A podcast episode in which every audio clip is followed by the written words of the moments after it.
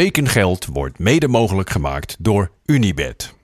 Goedemorgen vrienden en welkom bij weer een nieuwe Tekengeld.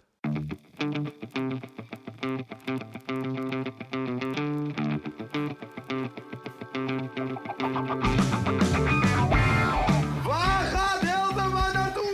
kan u mededelen dat er overeenstemming is bereikt met Johan Cruijff bij Feyenoord. Navarone voor. Vandaag in andere kleuren, hè? Ja, dat zeker. Dat is wel even wennen natuurlijk. Berghuis een van de meest besproken transfers ooit, denk ik.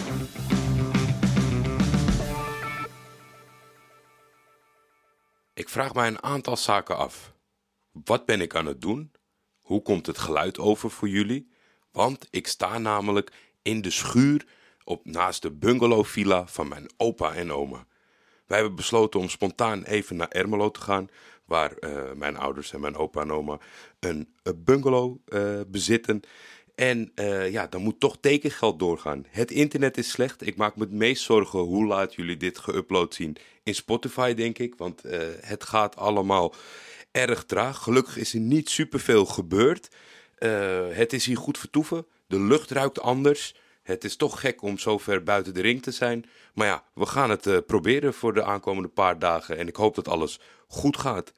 Niet echt een rectificatie binnengekomen op gisteren, maar wel iets waar ik ook ontzettend trots op was. Namelijk dat Harm Seinstra mij vertelde dat Schotterwald niet eens zo'n hele slechte uitspraak van mij was in het Fries. En hij kan het weten.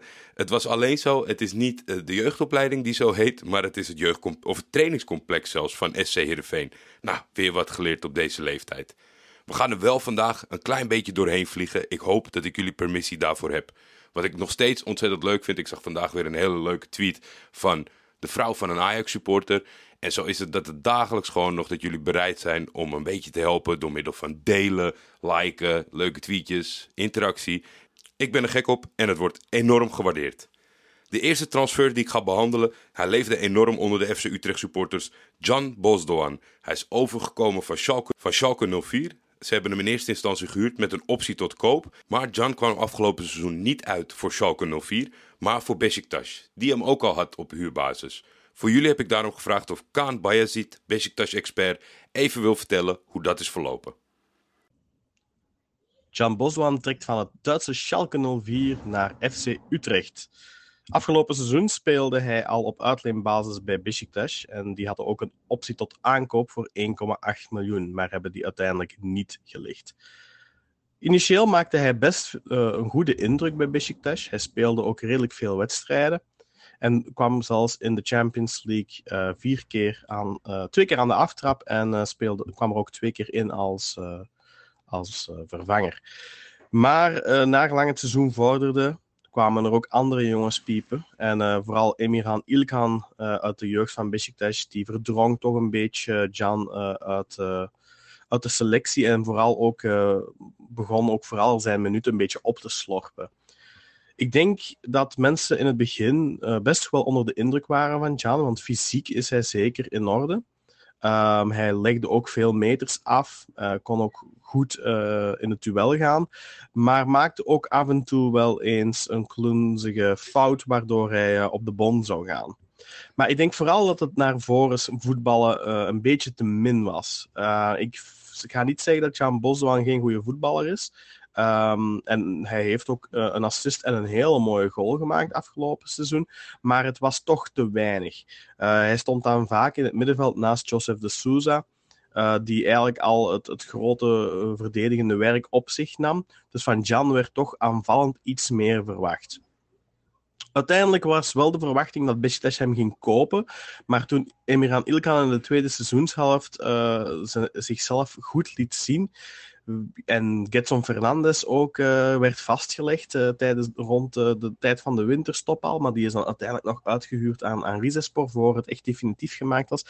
Maar de selectie van Besiktas voor het komende seizoen werd meer en meer duidelijk. En die positie in centraal op het middenveld, ja, daar bleek toch niet zo heel veel plaats meer voor Jan Bosdoan. Er kwamen jongens terug die op huurbasis naar andere clubs waren gegaan, die het ook heel goed hadden gedaan. En op, dat, op die plek zag de selectie er eigenlijk best breed uit. Besiktas besloot dan uiteindelijk om de 1,8 miljoen niet te betalen en uh, hebben dus de optie niet gelicht. Daarmee wil ik zeker niet zeggen dat uh, Jan Boswa een slechte voetballer is. Ik denk dat het een hele leuke voetballer is met heel veel potentieel, maar die natuurlijk nog uh, wat stappen moet maken, vooral in aanvallend opzicht. Defensief is hij capabel. Hij legt, zoals ik al zei, veel me meters af. Uh, gaat graag in het duel. En uh, heeft een goed uh, van buiten de 16. Ik denk dat hij in Nederland zeker zichzelf verder zal kunnen ontwikkelen. En dat hij voor Utrecht een interessante aankoop zou kunnen zijn toen het een beetje begon rondom het gerucht. Ja, ik moet me volledig aansluiten bij Kaan. Dat zijn ook een beetje mijn bevindingen over deze jongen. Ik denk wel dat er veel potentie in zit. Dat de Eredivisie en Henk Vrees er wat bij kunnen brengen. In de basis zit er voldoende in deze jongen. Maar hij moet echt wel stappen gaan maken. Dan Isam El Maish is de nieuwe tweede of derde keeper van Twente. Want ik denk dat hij plaats zal moeten nemen achter Oenerstal.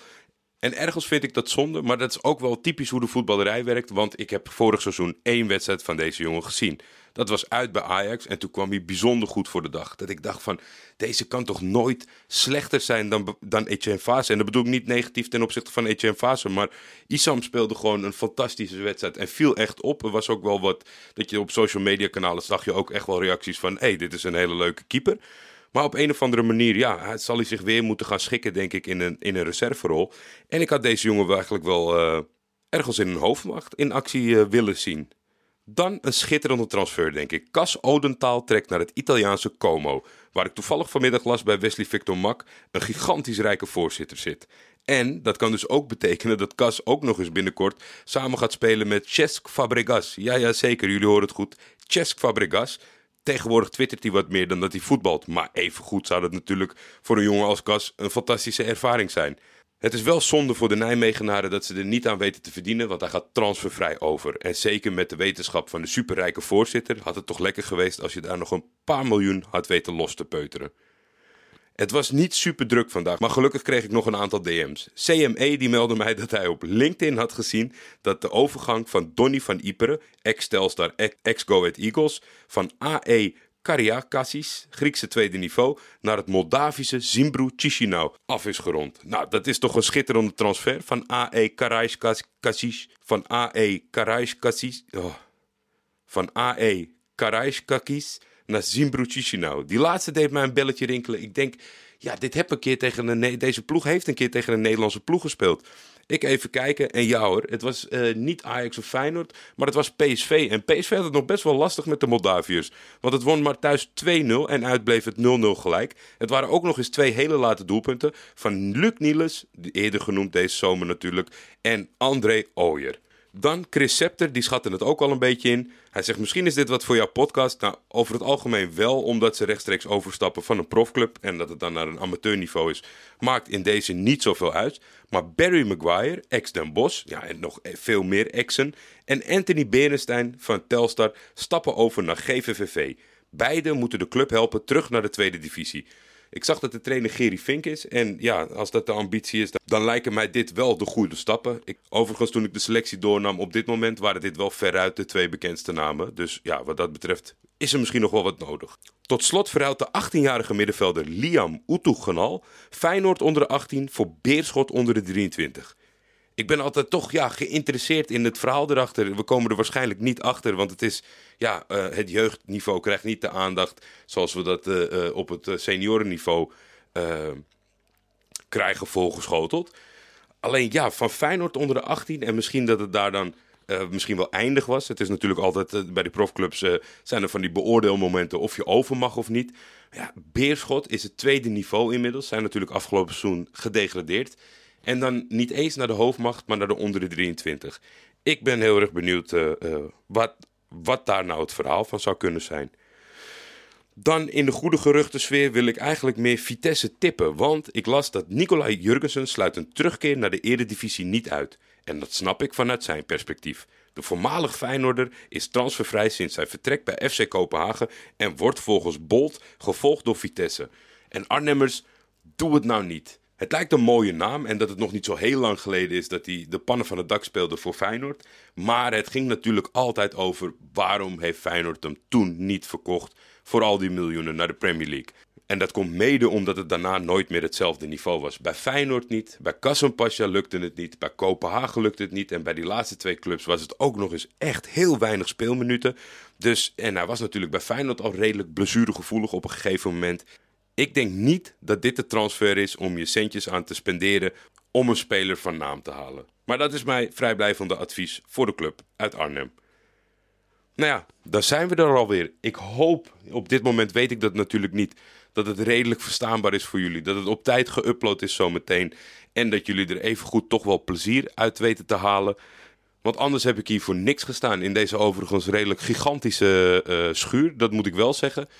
Twee kasten, uh, twee rekken volgepakt, fietsen staan er, een wasmachine, een droger, koelkast-vriezer combinatie, een heel keukenblok, een frituurpannetje zie ik. Even kijken of er ook nog wat in de vriezer zit om in dat pannetje te gooien.